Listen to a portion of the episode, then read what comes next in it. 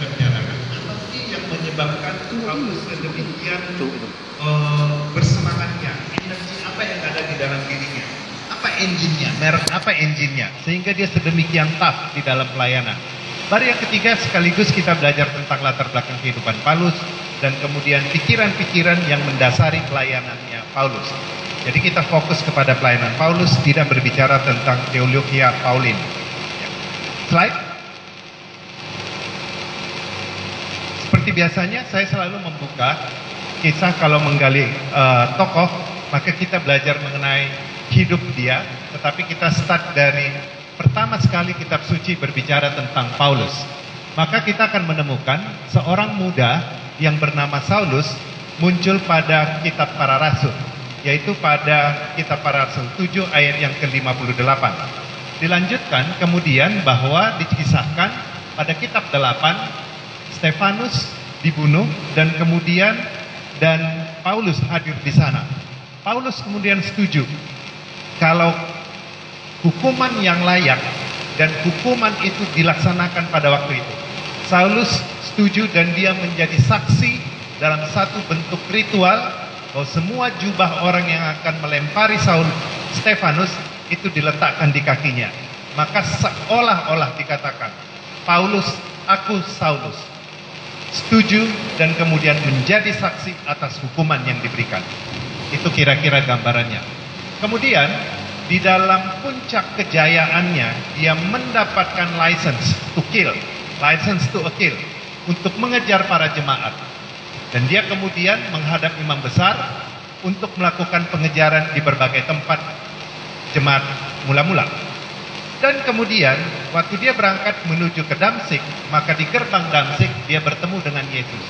Dia menemukan uh, pertemuan secara pribadi dengan Yesus dan kemudian dia buta, dipimpin, dibimbing oleh Ananias dan kemudian di dalam Galatia 1 ayatnya yang ke-17 kita menemukan satu sisipan di mana dia berangkat ke Arab dan kemudian kembali ke Damsik. Tidak jelas disampaikan di sana apakah dia naik haji atau kemudian dia sedang umroh. Gak jelas juga, tapi dia berangkat ke Arab. Nah, kemudian dia kembali ke Damsik dan kemudian bersaksi Yesus adalah Mesias. Sesuatu perubahan yang luar biasa. Selanjutnya, kemudian ada rencana untuk membunuh dia oleh umat Yahudi dan kemudian dia berangkat ke Jerusalem. Di Jerusalem dia dipandang sepi saja sampai kemudian ada seorang bernama Barnabas kemudian menjumpai dia. Saulus ya? Iya. Saya udah pernah lewat lihat Facebooknya. Oh ya Saulus ya, oke. Okay. Kemudian Saulus mengajar di dalam nama Tuhan dan kemudian oleh karena Jerusalem goncang maka punya niat mereka di Jerusalem untuk membunuh Saulus tetapi kemudian mereka mengembalikan Saulus ke Kaisaria dan kembali ke kampung halamannya di Tarsus. Selesai kisahnya? Belum. Ada seorang yang baik hati slide. Ada seorang yang baik hati bernama Barnabas. Barnabas kemudian di dalam perjalanan misinya menyempatkan diri untuk mencari seorang Paulus yang pernah ketemu dulu, adik kelompoknya. Dia ketemu dan kemudian dibawanya lagi ketemu di Tarsus, kemudian dibawanya ke Antioquia. Barnabas kemudian bersama dengan Saulus, bersama dengan Titus melakukan penginjilan. Di Antioquia, Barnabas, Simeon, Lukius, Menahem, dan Saulus itu menjadi soko guru di sana, menjadi pengajar. Untuk satu misi, oleh karena ada tidak ada kesepakatan, maka kemudian Barnabas dan Saulus berangkat kembali ke Yerusalem. Dan kemudian Barnabas dan Saulus berangkat ke Seleukia. Nah, yang mau kita bicarakan adalah bahwa di kisah Rasul 13 ayat yang ke-9 sebelum itu maka maka eh, konfigurasi penulisan oleh Lukas di dalam kitab Kisah Rasul itu bicara mengenai Barnabas Saulus. Barnabas Saulus, Barnabas Saulus. Nah, di dalam Kisah Rasul 13, di dalam Kisah Rasul 13 masuk ke dalam satu pernyataan Saulus juga disebut dengan Paulus. Jadi kalau lihat slide mundur, mundur slide. Nah, maka selalu dia bicara tentang Barnabas, Saulus. Barnabas menerima Saulus. Slide. Barnabas mencari Barnabas Saulus dan semua Barnabas dan Saulus. Barnabas dan Saulus. Tapi kemudian di kisah 13 ayat yang ke-9 mulai Saulus disebut juga dengan Paulus. Maka kemudian terjadi perubahan. Paulus dan kawan-kawan. Lanjut kemudian sudah berubah konfigurasinya yaitu Paulus Barnabas. Paulus Paulus Barnabas, Paulus Barnabas, Paulus Barnabas di kisah Rasul 15 ayat 37 sampai 40. Barnabas, Johannes, Paulus dan Silas melakukan misi. Paulus mengajak Timotius. Paulus berlanjut ke Makedonia. Selanjutnya kisah ini menjadi kisah Paulus. Saudara saya tidak akan membicarakan mengenai bagaimana perubahan ini, tetapi memang harus kita akui tanpa tendensi apa-apa, maka memang Konfigurasi diawali dengan Barnabas, Paulus. Kemudian Paulus disebut Saulus. Paulus dan kawan-kawan. Kemudian Paulus, Barnabas, Paulus, Barnabas. Selanjutnya pecah kongsi. Paulus bersama dengan Silas, Barnabas bersama dengan uh, Markus. Dan selanjutnya kisah yang dituliskan. Jadi bukan Barnabas tidak ada catatan mengundurkan diri, tetapi Lukas melanjutkan kisah ini dalam kisah perjalanannya Paulus. Maka kemudian kisah itu melanjutkan kisah Paulus, Paulus dilanjutkan dengan Paulus. Nah, tetapi yang mau kita bicarakan adalah bahwa Paulus kemudian sejak dia kembali di, ditemukan kembali, ditemukan kembali oleh Barnabas, Paulus kemudian dalam konstan yang dalam peningkatan yang konstan terus melayani Tuhan hingga pada akhirnya dalam tradisi menghembuskan nafas di dalam penghukuman di Roma. Slide. Pertanyaan berikutnya adalah apa yang menjadikan Saulus, eh Paulus begitu memiliki energi dan semangat di dalam pelayanannya? penggalian saya mengarahkan menjadi ke dalam tiga bagian. Saya tidak mengabaikan di sini kasus atau penyertaan Roh Kudus, tetapi saya tidak akan membahasnya. Ini ansi pada diri Paulus. Maka saya menemukan pengenalan akan Kristus menjadi engine yang paling besarnya. Kemudian ada rekan-rekan sekerjanya dan kemudian ada bantuan dan donasi dari orang-orang percaya. Apakah itu dalam bentuk fasilitas, apakah itu dalam bentuk dana. Tiga engine yang menggerakkan pelayanan Paulus. Pengenalan akan Yesus Kristus. Di sana nanti akan ada panggilan, pernyataan pilihan dan panggilan. Kemudian ada rekan kerja yang begitu mensupport dia.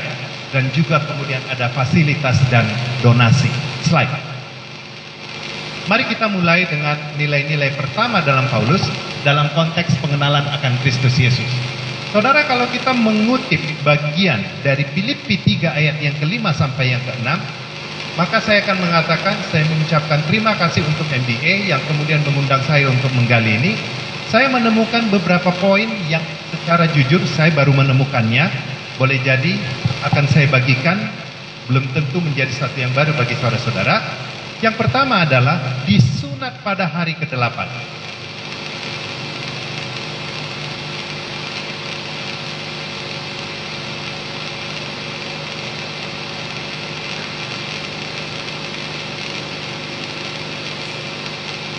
Ya, disunat pada hari yang ke-8.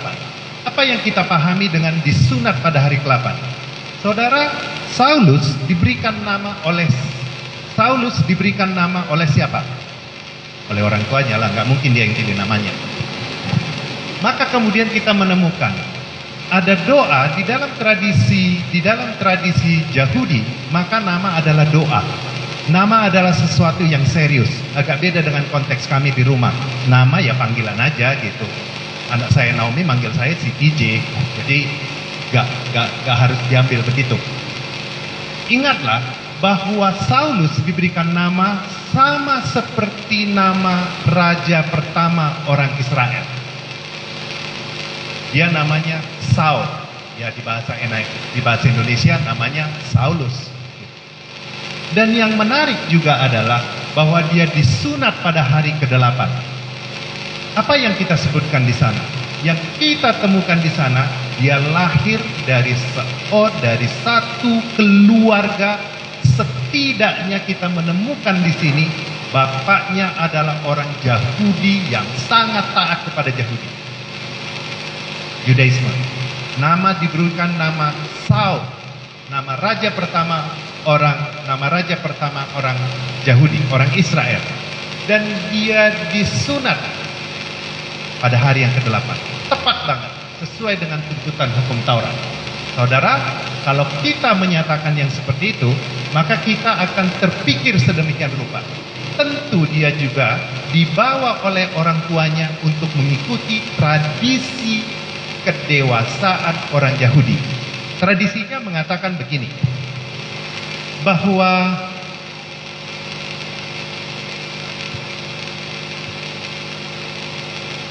hukum Yahudi menekankan bahwa pada usia 13 tahun anak laki-laki Yahudi harus diserahkan sebagai anak perjanjian. Namanya ada disebut dengan bar mitzvah. Anak perjanjian, jadi dia diserahkan kepada Tuhan di bawah bimbingan para rabi dan mereka sudah harus menyelesaikan kitab nabi-nabi eh lima kitab lima kitab Musa dan Taurat mutlak saudara saya menjadi terpikir kenapa kemudian ada yang pernah belajar bahasa Ibrani tulisan Ibrani atau belajar bahasa Ibrani sedikit-sedikit lah gitu maka bahasa Ibrani kenapa kemudian mereka sedemikian rupa memwajibkan orang belajar Taurat dan membaca kitab para nabi, setidaknya lima kitab Musa itu, mak kalau anda melihat uh, tulisan Ibrani, maka tidak ada huruf hidupnya. Umpamanya bilang ampun ya A, hanya nggak ada A M P U N. Jadi A M P N itu ampun gitu. Tapi bisa juga dia dikatakan lain. Sehingga sewaktu kita membaca tulisan Ibrani, kita harus memahami dalam konteks kalimat, dalam konteks kisah. Dengan demikian, di usia 13 tahun, mereka sudah memahami Taurat dan demikian sedemikian rupa pikiran mereka dibangun untuk berlogika. Jadi di satu sisi itu membuat mereka kenal Tuhan, tetapi juga di satu sisi membuat mereka menjadi ya nggak pikun gitulah ya di, di apa namanya di di asah otaknya. Artinya bahwa dia memiliki orang tua yang taat dan tentunya dia mendapatkan tradisi-tradisi pembinaan seorang Yahudi. Kemudian dikatakan bahwa dia bangsa Israel. Apa sih ceritanya bangsa Israel? Saudara, dia lahir di Tarsus. Dia lahir di Tarsus dan dia adalah berwarga negara Roma. Dia berwarga negara Roma. Tapi dia menekankan bahwa saya adalah bangsa Israel. Dia bangsa Israel, saudara. Saya akan lanjutkan. Suku Benjamin. Ini beberapa kali sudah saya ceritakan apa hebatnya suku Benjamin. Suku Benjamin satu-satunya suku yang lahir dari istri yang dicintai dari Yakob. Ada dua suku sebenarnya, ada dua anak, yaitu Benjamin dan Yusuf. Tapi Yusuf sudah pecah menjadi dua suku. Uh, suku Efraim dengan Manase. Efraim Manasib bukan lagi menjadi anak, tetapi dia di level cucu.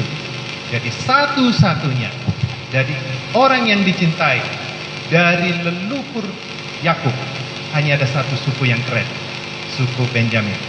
Kalau kita mengikuti lagi suku Benjamin itu adalah suku-suku pemimpin. Jadi dia mengatakan saya adalah dari turunan hebat loh. Kalau tradisinya kita di kita di Indonesia barangkali opung kulah dulu yang turut menjadi ketua panitia pembangunan gereja Anu. Eh. Kira-kira gitulah itu. Nah, orang Ibrani asli, orang Ibrani asli saudara. Apa yang dimaksud dengan orang Ibrani asli? Saudara, Paulus ini adalah seorang Yahudi yang lahir sebagai Yahudi. Dia beragama Yahudi. Dia beragama Yahudi, bukan orang Norwegia beragama Yahudi. Dia bukan proselit. Dia memang Yahudi sejak utuhnya. Sejak lahirnya dia Yahudi. Dia adalah seorang Ibrani asli, pemeluk agama Yahudi. Secara lahiriah dia adalah seorang Yahudi. Jadi dia bukan seperti kisah yang Yesus itu di bait Allah dan orang-orang datang untuk memberikan untuk uh, bersembayang di bait Allah yang jungkir balik itu loh. Itu adalah orang-orang bukan Yahudi yang beragama Yahudi. Paulus sedang menekankan, saya bukan yang itu. Saya adalah Yahudi sejak lahir dan diajar sejak dini adalah saya seorang Yahudi. Itu artinya Ibrani asli. Berikutnya adalah pendirian terhadap Taurat, aku adalah seorang Farisi. Saudara di dalam tradisi kalau kita belajar tentang Farisi, maka Farisi akan dibagi menjadi dua mazhab, dua universitas. Yang satu adalah Hillel, yang satu adalah Semai. Nah,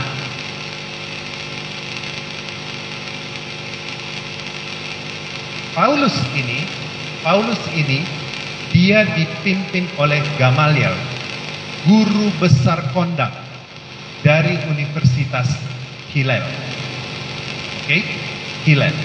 Tradisi mengatakan dia tamat dari Hillel tetapi prakteknya di Semai. Dengan demikian Anda kita bisa berpikir bahwa Paulus ini orang yang sangat kuat sekali di dalam tradisi-tradisi Farisi. Dia sekolah di Hillel, tetapi dia praktek di Semai. Kebayang enggak? Dua universitas besar untuk Farisi dan dia adalah alumni kedua-duanya. Jadi tidak ada orang yang berani ribut. Ini ajaran mana? Dia tahu semuanya. Oke, berikutnya penganiaya jemaat. Saya adalah kondangnya. Gitu. Jadi saudara, Anda harus pahami di dalam dunia kefarisian ada tiga hal yang mutlak yang mereka akan pertahankan. Yang pertama adalah Taurat, yang kedua adalah Bait Allah, yang ketiga adalah Jerusalem. Tiga hal. Jangan digoncang-ganjingin. Jangan diributkan itu. Darah pun bercucur ke apa-apa. Taurat, saudara.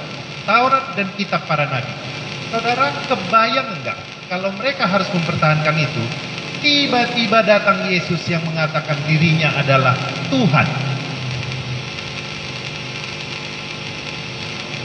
Oke, okay?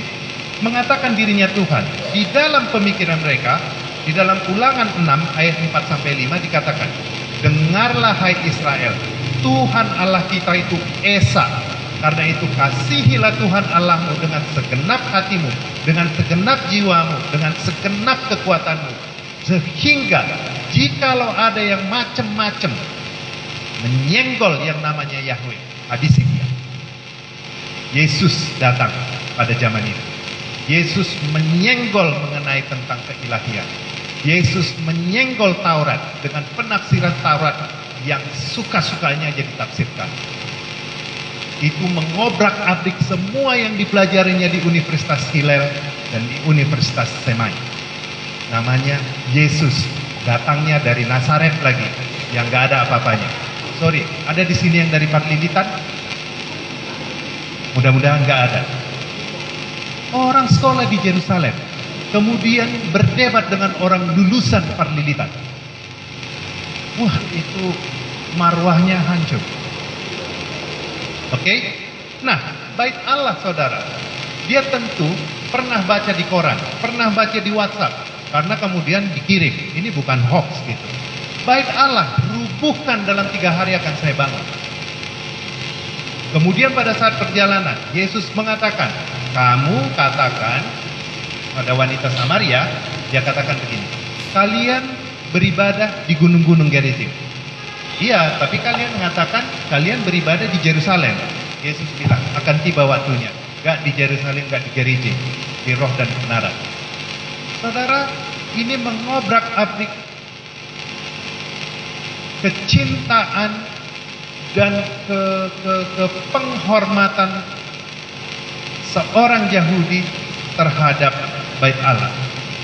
Yang ketiga, Yerusalem. Wah, bikin panas hati. Kebayang bahwa Yerusalem itu adalah kota Allah. Kota idam-idaman. Orang yang dulu dibuang ke Babel itu menangis terseduh-seduh di seberang sungai Babel untuk bisa kembali ke Yerusalem.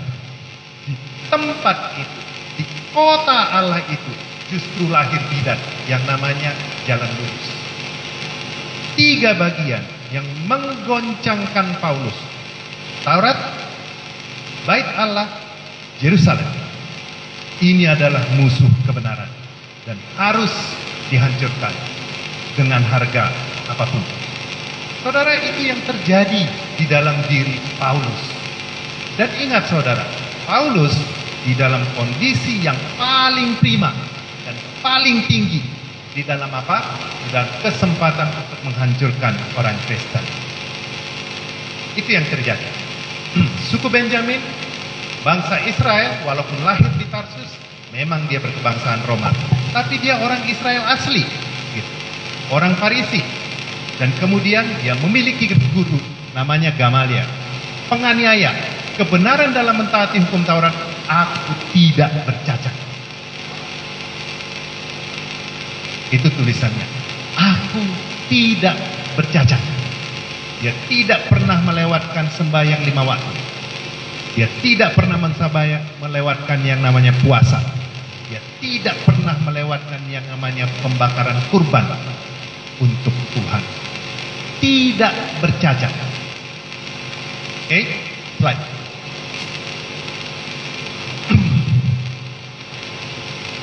Saudara, akhirnya di dalam bagian ini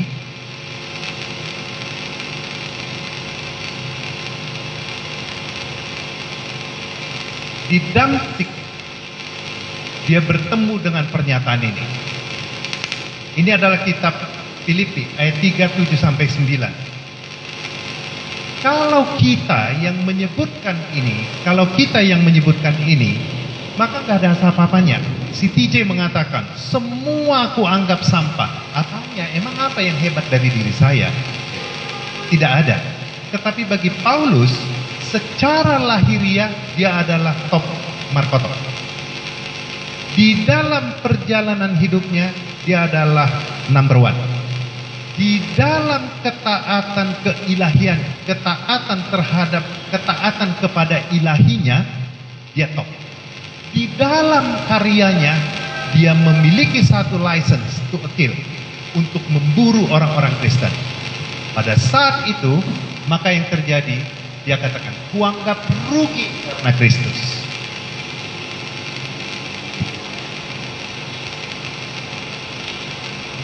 Saudara, apa yang menjadi dasar kita pada bagian ini? Pikiran pertama tentang Paulus adalah, pikiran pertama yang kita bicarakan tentang Paulus adalah, dia mengalami anugerah. Maka kemudian atas anugerah itu, dia memahami iman kepada Kristus. Titik dasar bagi Paulus memahami Kristus. Dia tahu Kristus. Maka kemudian ku angkat sampah pengenalan kuatkan Kristus Tuhan lebih mulia daripada semuanya. Saya akan cepat di bagian ini. Dia pada bagian ini memahami nilai keselamatan. Saudara, boleh jadi kita mungkin tidak terlalu paham nilai keselamatan. Karena kita tidak sedalam Paulus memahami tuntutan hukum Taurat. Kita sejak lahir sudah menjadi Kristen kita tidak pernah mengalami tuntutan-tuntutan seperti yang dialami oleh saudara kita di samping. Lima kali dalam satu hari berdoa. Tidak boleh lewat. tidak boleh pakai jeans yang sama karena dia harus bersuci. Harus sembahyang lima waktu, harus berpuasa, harus memberikan korban, harus naik haji ke Mekah. Saudara, Paulus yang memahami betapa beratnya tuntutan hukum Taurat mampu merasakan betapa agungnya anugerah.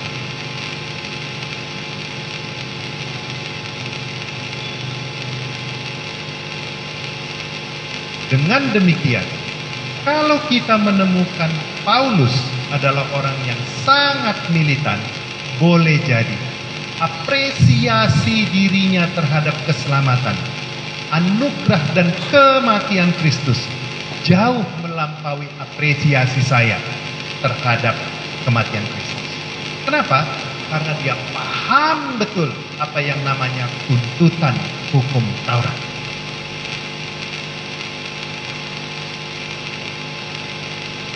Memahami nilai keselamatan. Dengan demikian dia memahami arti anugerah. Dengan demikian dia memahami arti kebebasan. Saudara, saya masih pernah mendengarkan dan meng, membaca perdebatan alumni bicara tentang perpuluhan. Berapa besar perpuluhan yang harus dihitung?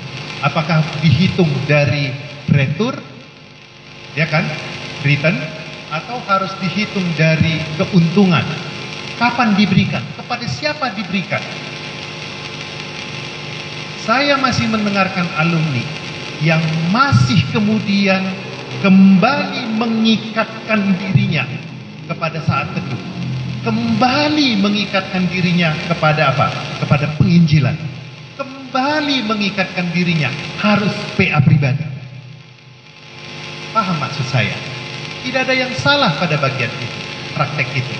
Yang menjadi salah adalah bahwa dia merasa berdosa oleh karena tidak membayar perpuluhan, merasa berdosa, merasa berdosa, merasa berdosa.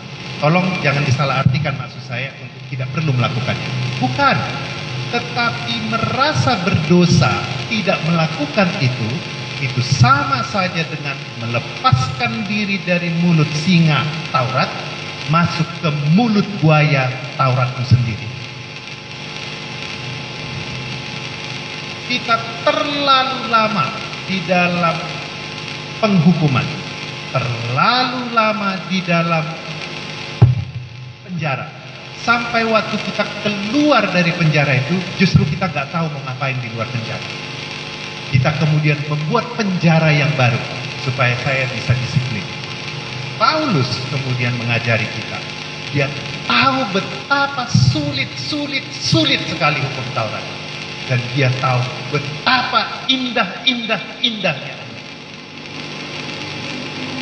Kalau gitu boleh dong bang, kita nggak saat teduh. Anda tidak saat teduh untuk membuat engkau lepas dari rasa berdosa. Kau bersaat teduh untuk menjadi sama seperti Kristus. Mengerti pikiran Kristus karena mencintai Kristus dan merindukan Kristus. Engkau harus saat teduh oleh karena engkau tidak mungkin tidak punya hubungan dengan Kristus. Engkau harus berTI oleh karena apa? Oleh karena engkau tahu begitu besar anugerah Tuhan yang orang lain juga harus tahu. Paham maksud saya? Tetapi kalau kemudian engkau muncul rasa berdosamu, bukan muncul rasa inginmu bertumbuh, malam ini saya akan undang Anda untuk evaluasi diri. Apakah engkau meletakkan hukum Taurat sebagai keselamatan atau hukum Taurat sebagai langkah untuk menuju ke kedewasaan, kedewasaan, kedewasaan. Paulus mengerti sekali yang namanya Taurat. Sehingga dia mengerti benar apa artinya anugerah.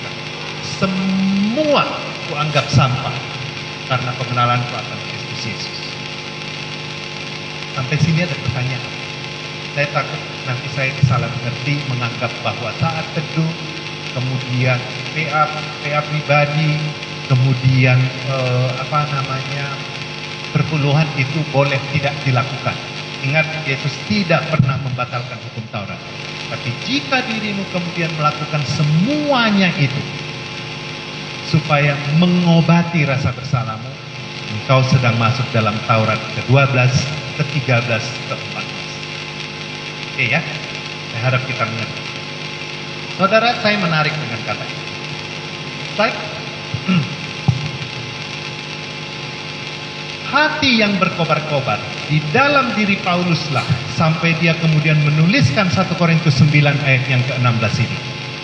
Dia katakan, karena jika aku memberitakan Injil, aku tidak mempunyai alasan untuk memegahkan diri. Sebab itu adalah keharusan bagiku. Dan dia menambahkan satu respon. Celakalah aku jika aku tidak memberitakan Injil. Apakah dia akan dicelakakan? Tidak. Saya punya beberapa ilustrasi beberapa belakangan ini mengenai ini. Ini adalah respon respon dalam sikap iman. Respon terhadap anugerah. Respon terhadap keselamatan. Kalau tadi pengenalan akan anugerah dan pengenalan akan keselamatan, kalau ini adalah responnya. Maka kemudian sebanding dengan itu, dia pernah mengatakan, sebab itu ya Raja Kripa, terhadap penglihatan yang dari atas itu aku tidak pernah tidak taat. Saudara, saya akan memberikan contoh pada bagian ini. Saya sudah pernah ngomong di sini enggak ya? Siapa di sini, ini contoh yang berulang kali saya lakukan. Siapa di sini yang berdoa setiap hari untuk mencari beasiswa? Kemudian nemu, dapat beasiswanya dijawab gitu. Terus kalian kemudian diam-diam aja. Yakin pernah bisa begitu? Atau kalian angkat telepon kalian dan kemudian katakan, Ma, aku dapat loh beasiswanya. Besok kamu pacarmu juga car gitu. gitu ma, ma, gitu. mama, ma, pacar, car, car. Aku dapat loh beasiswanya. Atau kalian kemudian santai aja. Tidak mungkin, saudara. Tidak mungkin. Tanpa harus dibuat program memberitahukan lulus mendapatkan uh, beasiswa, pasti tidak mungkin ditahan. Pasti kasih tahu. Itulah respon iman atas berita gembira. Kita sebut menyebutkannya Injil.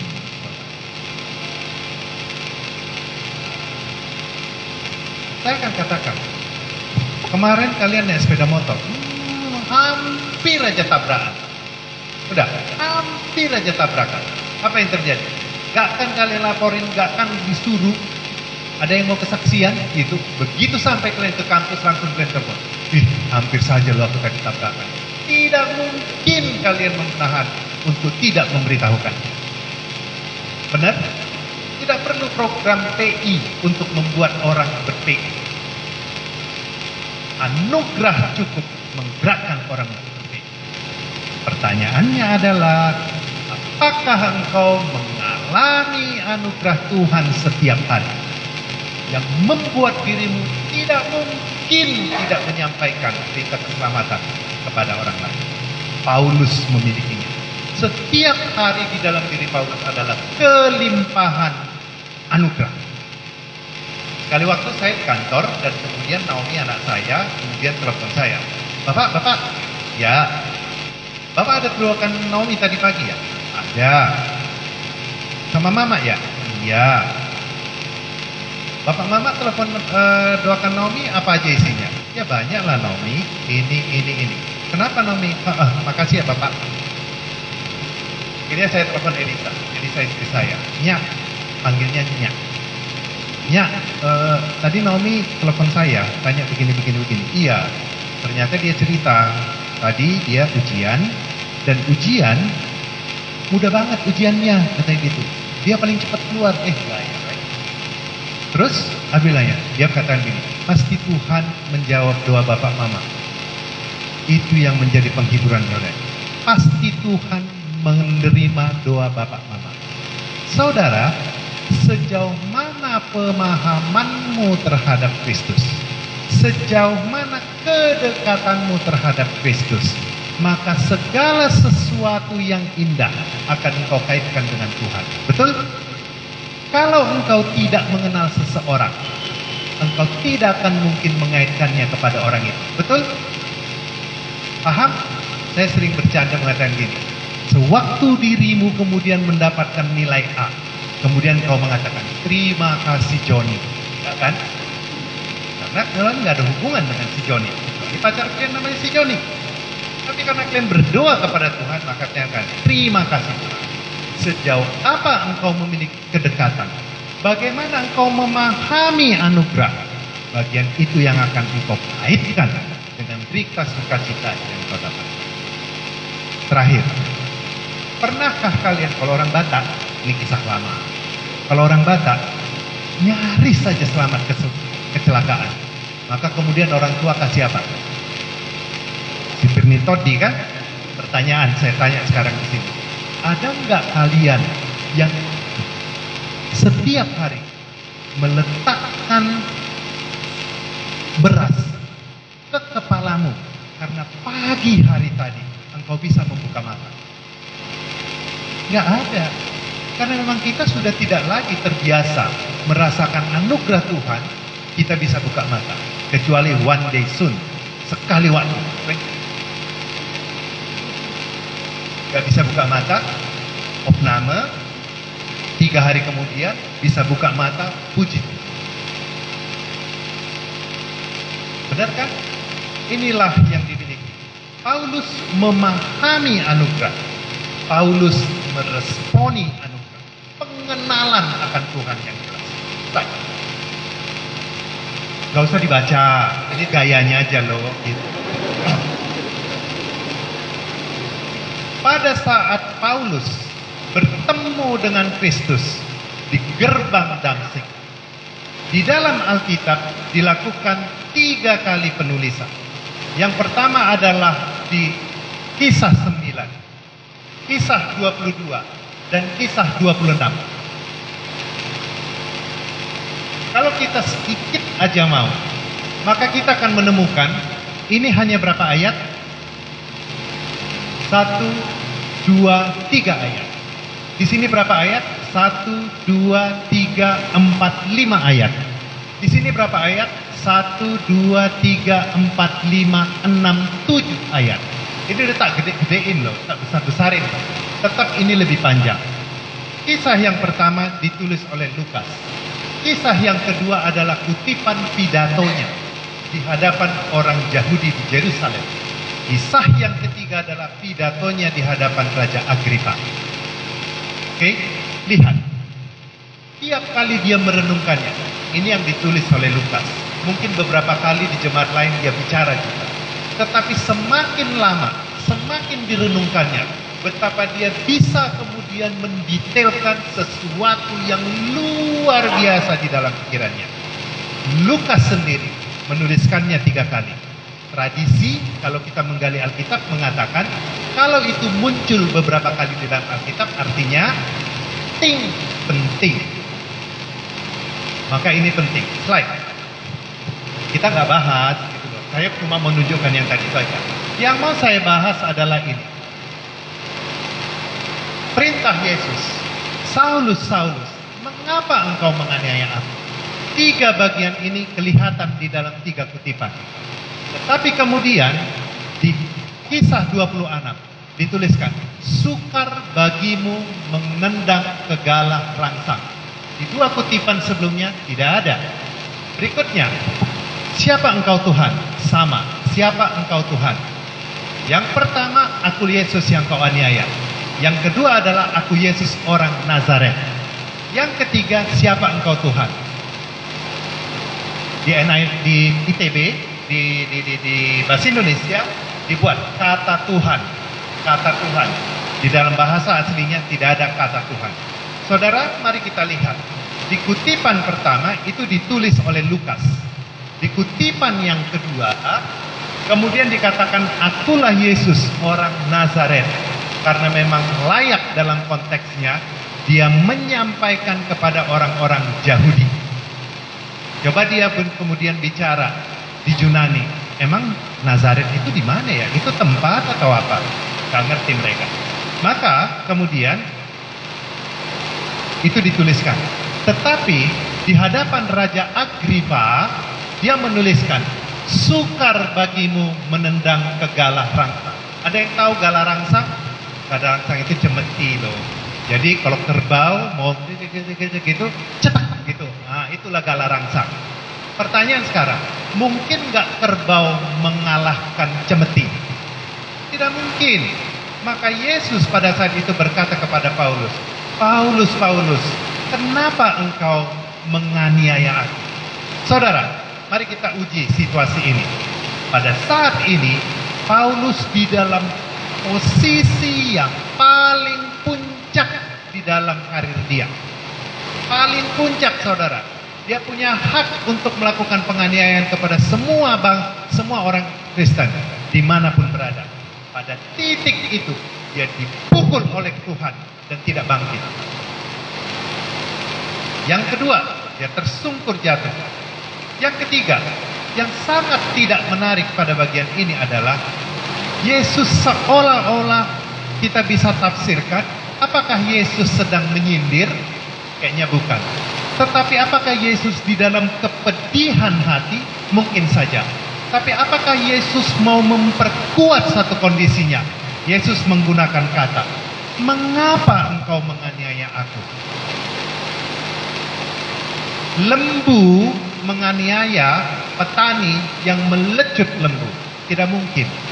Tetapi lihatlah Yesus menggunakan kata itu. Mengapa engkau menganiaya aku?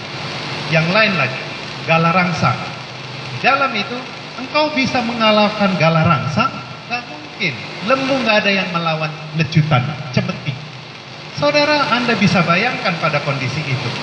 Seolah-olah Yesus sedang mengatakan, engkau orang Roma kan? Engkau paham dengan Helenis kan? Aku adalah dewa yang sedang engkau aniaya. Kira-kira begitu. Engkau akan melawan dewa dan engkau, aduh gimana sih Paulus? Bagian ini yang akan menyadarkan Paulus bahwa dia tidak ada apa-apanya. Dia tertegun. Dan Tuhan yang Maha Sakti itu mengatakan kepada dirinya, kenapa engkau menganiaya aku? Dalam posisi Paulus di situ buta. Oke? Dia mungkin akan menjadi merasa malu, marah, dan bercampur dengan rasa salahnya. Pada saat itu boleh jadi, dia kemudian memflashback dirinya. Benar nggak apa yang kulakukan ini? Bukankah aku memandang seorang Stefanus yang kemudian tanpa rasa bersalah menghancurkan tiga. Taurat, Bait Allah, dan Jerusalem. Kalau aku harus membiarkan orang-orang seperti Stefanus hidup pada zaman itu habis kejahudian. Dan aku berjalan benar Tuhan untuk menghancurkan itu. Tapi hari ini dia tertegun. Apa yang salah dalam diri? Dia mengalami kegoncangan. Saudara, apakah Paulus, sorry, apakah kisah Paulus ini betul-betul bisa kita pahami? Satu kegoncangan di dalam diri kita untuk bisa dengan sungguh-sungguh menghargai panggilan Tuhan. Atau ya dulu ya saya begini aja, kemudian setelah Tuhan panggil dia begini-begini juga lah gitu. Gak ada sesuatu yang luar biasa. Kemarin juga waktu khotbah hujan ya sekarang hujan terus apa bedanya? Saudara lihat Pak, inilah yang dialami Paulus di pintu Damsik. Kenapa engkau menganiaya aku Paulus? Paulus dalam keadaan terkapar di sana. Sampai sini ada pertanyaan? Ayolah kita eksposisi loh. Ya.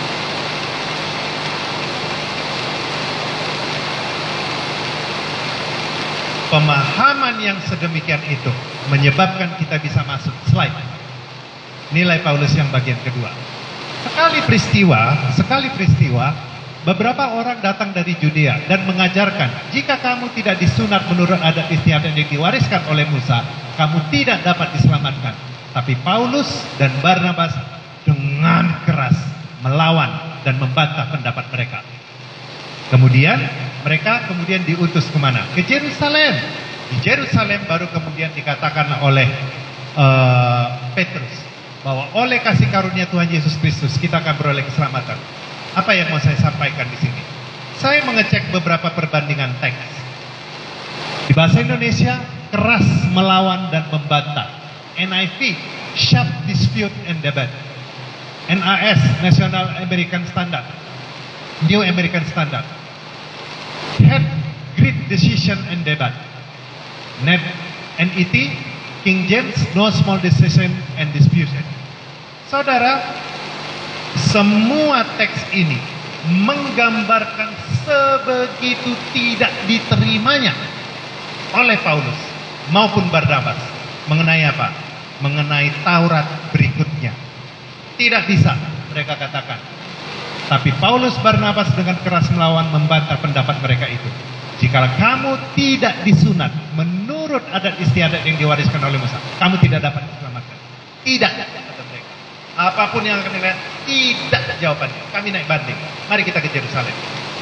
Saudara, sedemikian kuatnya pemahaman, keyakinan, kesungguhan pemahaman Paulus terhadap apa? Terhadap anugerah.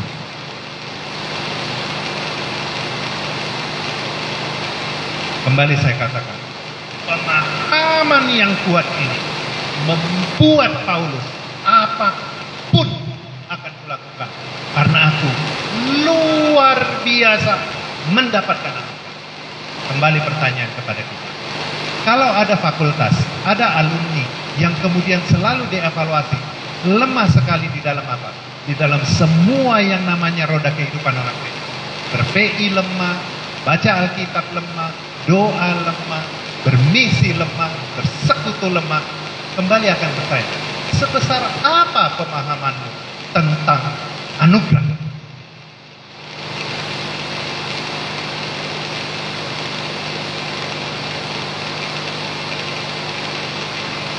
itu menjadi sangat sangat slide.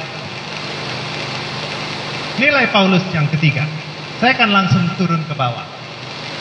Paulus, walaupun kemudian dikatakan diundang ke tempat lain, ke orang-orang non Yahudi, pada faktanya di tempat yang barunya pun dia berhadapan juga dengan orang Yahudi. Dan dia kemudian mengatakan di Galatia 1, 13 sampai 16. Sebab kamu telah mendengar tentang hidupku dahulu dalam agama Yahudi. Tanpa batas waktu, aku menganiaya jemaat Allah yang berusaha membinasakannya. Di dalam agama Yahudi, aku jauh lebih maju dari teman-temanku sebaya dengan aku. Di antara bangsaku. Sebagai orang yang sangat rajin, memelihara adat istiadat nenek moyangku. Tapi waktu ia yang telah memilih aku sejak kandungan ibuku. Memanggil aku oleh kasih karunia-Nya menyatakan anaknya di dalam aku, memberitakan dia di antara bangsa-bangsa bukan Yahudi. Aku tidak minta pertimbangan kepada manusia. Saudara, lihatlah nilai yang dibangun di dalam diri Paulus. Dia memiliki keyakinan, dia dipilih, dan dia dipanggil, dan dia diutus. Meyakini bahwa tiga bagian itu. Dia dipilih, dia dipanggil, dia diutus. Tidak ada perlu pertimbangan lain kecuali satu hal. Maju. Saudara, berbagi tuh. Waktu saya lulus dari kedokteran, eh belum, ya lulus dari sarjana kedokteran, saya bertanya kepada Tuhan, Tuhan saya full time enggak? Tuhan bilang enggak. Terus saya koas, selesai koas saya full time enggak Tuhan? Enggak. Kalau gitu saya masuk di profesi, saya PTT. Pasca PTT saya tanya lagi, Tuhan saya full time enggak? Enggak. Kemudian saya masuk ke dalam dunia manajemen. Saya jalani manajemen. Karena saya mau ujian, mau ngambil uh, pasca sarjana saya, tanya Tuhan. Tuhan, saya memang mau dipanggil Tuhan untuk full time enggak? Enggak. Beberapa tahun kemudian saya pindah. Pindah ke kantor yang ke Balikpapan. Saya bertanya lagi kepada Tuhan inikah masuk waktu keluar dari Jogja? Tidak. Lanjut. Dari Balikpapan saya pindah ke kantor pusat sekarang di Siloam. Saya tanya Tuhan lagi, jawabannya tidak. Satu saya mau ke Medan, tanya lagi, tidak. Saya belum bertanya sekarang. Saudara, saya memang tidak menemukan yang mengatakan bahwa saya tahu saya dipilih, saya tahu saya dipanggil, tapi saya tidak diutus jadi seorang time. Tapi saya percaya bahwa saya diutus sebagai alumni di dunia profesi untuk melayani Tuhan. Pelajaran yang bagus sama Paulus. Telah memilih aku sejak kandungan, memanggil oleh kasih karunia-Nya, menyatakan anaknya dalam dalam aku, memberitakan dia di antara bangsa-bangsa bukan Yahudi, aku tidak minta pertimbangan satu orang pun manusia. Jangan. Saudara, pertanyaannya, apakah engkau menemukan panggilanmu? Dan apakah engkau pernah menolak pengutusan dari Tuhan? Saya ulangi pertanyaannya, apakah engkau mengalami panggilan Tuhan? Apakah engkau mendengar? Apakah engkau mendengar panggilan Tuhan? Apakah engkau pernah menolak pengutusan Tuhan? Saya akan tutup dengan kata, aku tidak minta pertimbangan kepada manusia. Keyakinan Paulus berikutnya, yaitu dipilih, dipanggil, diutus. Dipilih, dipanggil, diutus. Membuat dia tidak pernah mundur dari pelayanannya. Yuk. Nah, sebab aku ini rela bukan saja untuk diikat, tapi juga untuk mati di Yerusalem oleh karena nama Tuhan Yesus. Ini bagian lain keyakinan Paulus bahwa dia dipilih, dipanggil, diutus. Dipilih, dipanggil, diutus. Sekali lagi. Dipilih, dipanggil, diutus saudara. Slide. Masuk kepada rekan. Saya nggak akan banyak pada bagian ini. Yaitu kita baca aja. Dia ketemu Aquila, Priscilla. Kemudian dia kemudian memilih Silas. Yang memilih dia kemudian punya teman banyak, Timotius, Lukius, Yason, Sosipater, dan selanjutnya. Kemudian juga dia bertemu Gaius, ini bukan marga tambunan, ya, yang memberi tumpangan kepada mereka, salam kepada kamu dari Erastus, dan kemudian dari Quartus. Yang mau saya ceritakan pada bagian ini, menarik sekali, menarik sekali bagi saya. Apalagi saya adalah orang medis sangat menarik. Dua bagian yang kita lihat. Hanya Lukas yang tinggal dengan aku. Ini dituliskannya sewaktu menuliskan dua Timotius. Di akhir hidupnya. Di penjara bawah tanah di Roma. Dan dia menuliskan. Hanya Lukas yang tinggal denganku. Saudara, saya bertanya kepada kita. Adakah kita yang duduk di sini memiliki seorang teman yang menyerahkan hidupnya bagi Tuhan.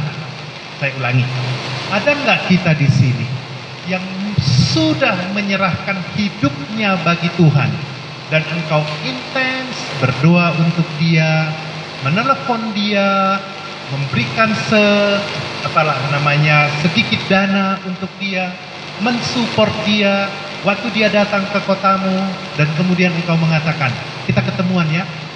Saya ulangi, ada enggak temanmu yang memberi diri kepada Tuhan, yang engkau support, sehingga engkau berani mengatakan. Kemudian temanmu itu mengatakan, hanya Joni lah yang tinggal dengan sebutkan nama. Ada? Adakah kita sekarang ini punya teman, sahabat yang full time dan kita support dia sesungguh-sungguh? Saudara, rasakanlah, rasakanlah emosi dari Paulus sewaktu menuliskan ini. Hanya Lukas yang tinggal dengan aku. Dan dia jauh di bawah tanah sana, di dalam penjara di kota Roma. Saudara, satu yang menguatkan Paulus itu adalah hanya Lukas yang tinggal dengan Sebegitu pentingnya seorang sahabat di dalam pelayanan untuk seorang Paulus yang kokoh di dalam Tuhan. Jemputlah Markus dan bawalah ia kemari. karena pelayanannya penting. Saudara, coba renungkan nanti malam. Siapa teman yang kau akan support di dalam pelayanan? Sebanyak satu orang aja. Kau sama dengan Ya. Doakan dia. Berikan dia sekedar WhatsApp. Bagaimana kabarmu? Akhir bulan mungkin kau punya dana sedikit saja. Hanya Lukas yang tinggal dengan hidupnya nggak panjang lagi saja. Satu kekuatan Paulus tetap teguh adalah sahabat. Dan dia supaya ada hasilnya NDA ini loh. Cobalah tentukan satu aja. Aku akan menjadi sahabat. Gitu loh. Oke, saya nggak banyak kisah itu. Karena itu full dengan perenungan saja. Gak usah dibaca loh. Loh. Donasi gitu. Yang kita lihat di sini adalah nanti kita akan lanjutkan tent making ministry. Karena di Tesalonika pun kamu telah satu dua kali mengirim bantuan kepadaku.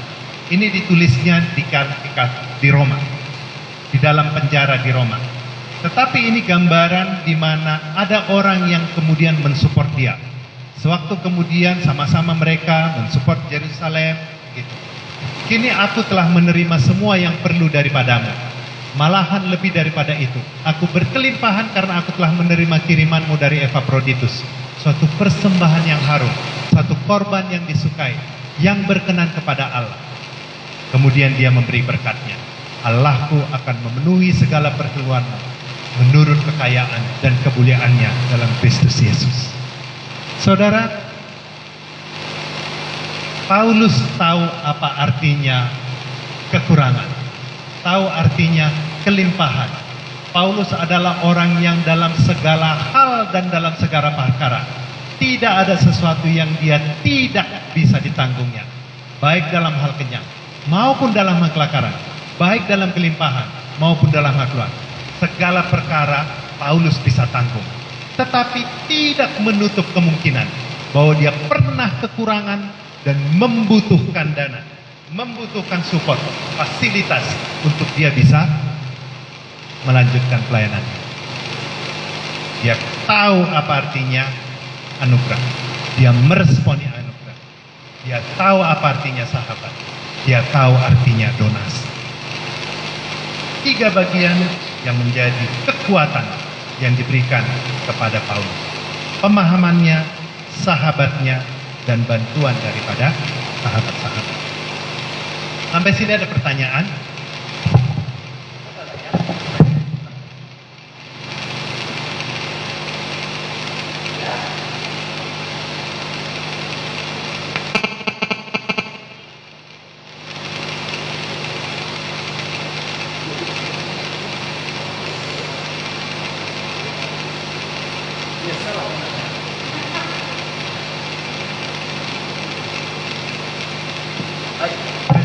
lagi.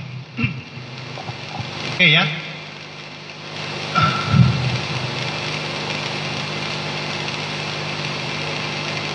Ini gambaran aja. Begitu dia mendapatkan fasilitas di, di kota Roma, apa yang dilakukan? Dan terus terang dan tanpa rintangan apa pun yang memberitakan kerajaan Allah, mengajar tentang Tuhan Yesus Kristus. Dan Paulus tinggal dua tahun penuh di rumah yang disewanya sendiri itu, yang menerima semua orang yang datang kepadanya. Lanjut. Kita masuk pada bagian.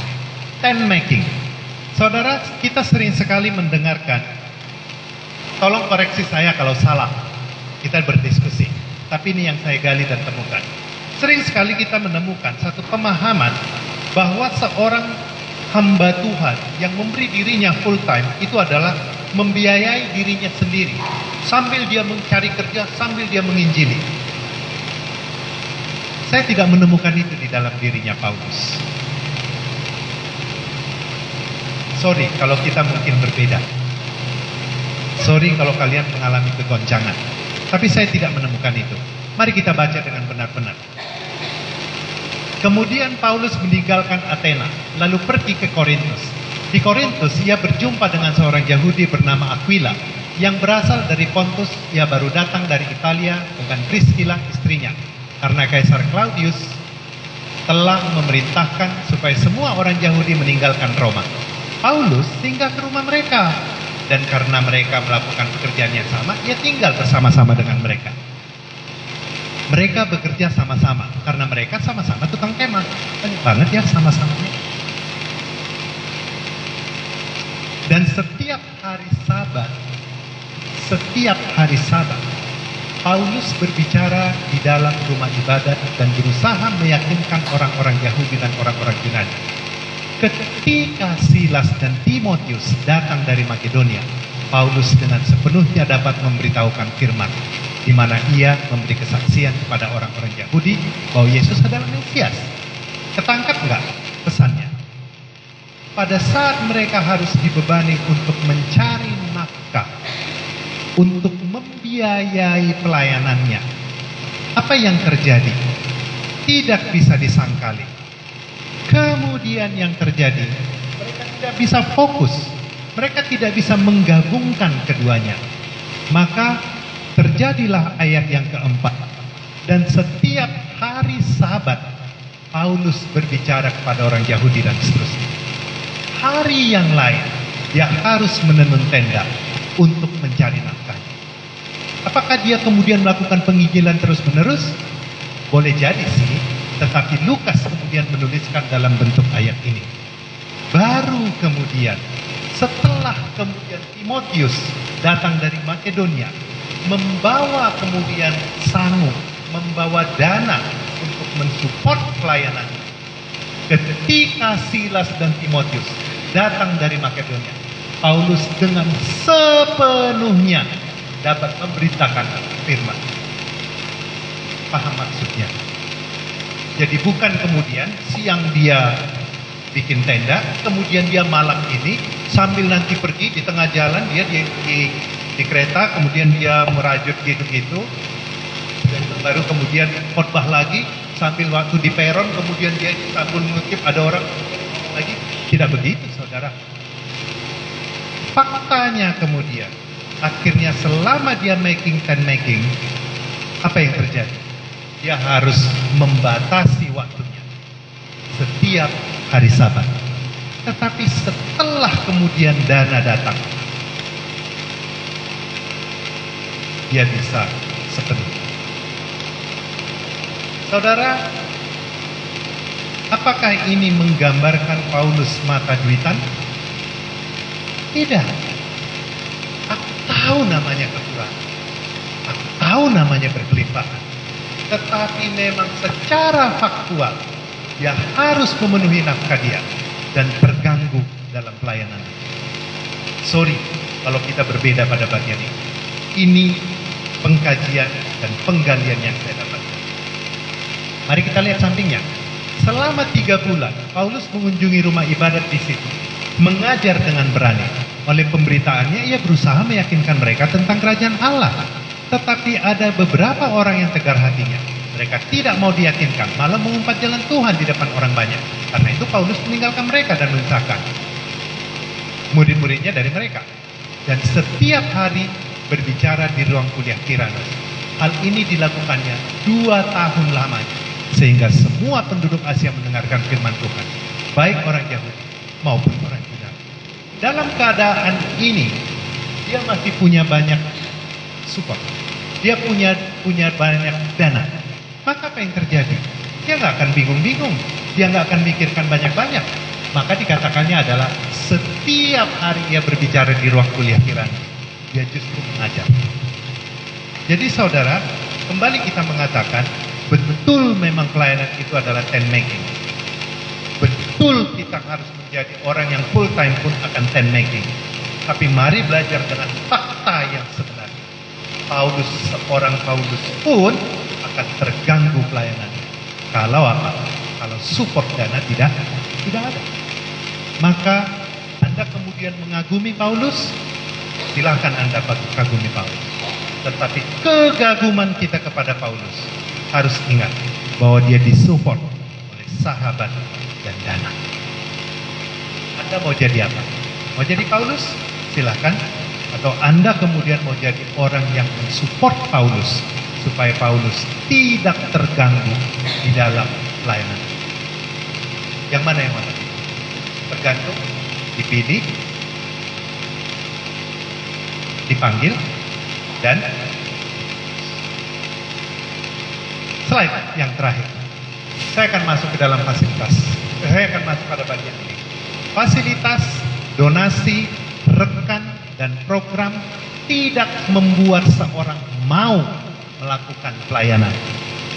Hanya anugerah dan mengalami anugerah yang membuat orang mau melakukan pelayanan.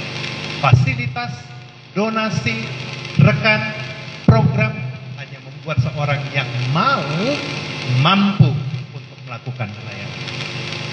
Jadi saudara, seandainya pun Anda membuat program PI, tetapi di dalam dirimu tidak ada keinginan untuk ber-PI, engkau akan tetap berangkat ke kampung. Tapi untuk apa? Sekedar ngangkat mic, kemudian beres-beresi, tetapi tidak untuk ber Apa kata kunci? Tetap kata kunci. Paulus memahami anugerah. Paulus meresponi anugerah. Paulus disupport oleh teman-teman. Dan donasi membuat dia lancar di dalam program. Ada pertanyaan? Biasanya tidak ada. Kiranya memberikan pencerahan dan pencerahan datang dari Roh Kudus. Kita berdoa. Tuhan terima kasih bagian ini ya Tuhan. Tolong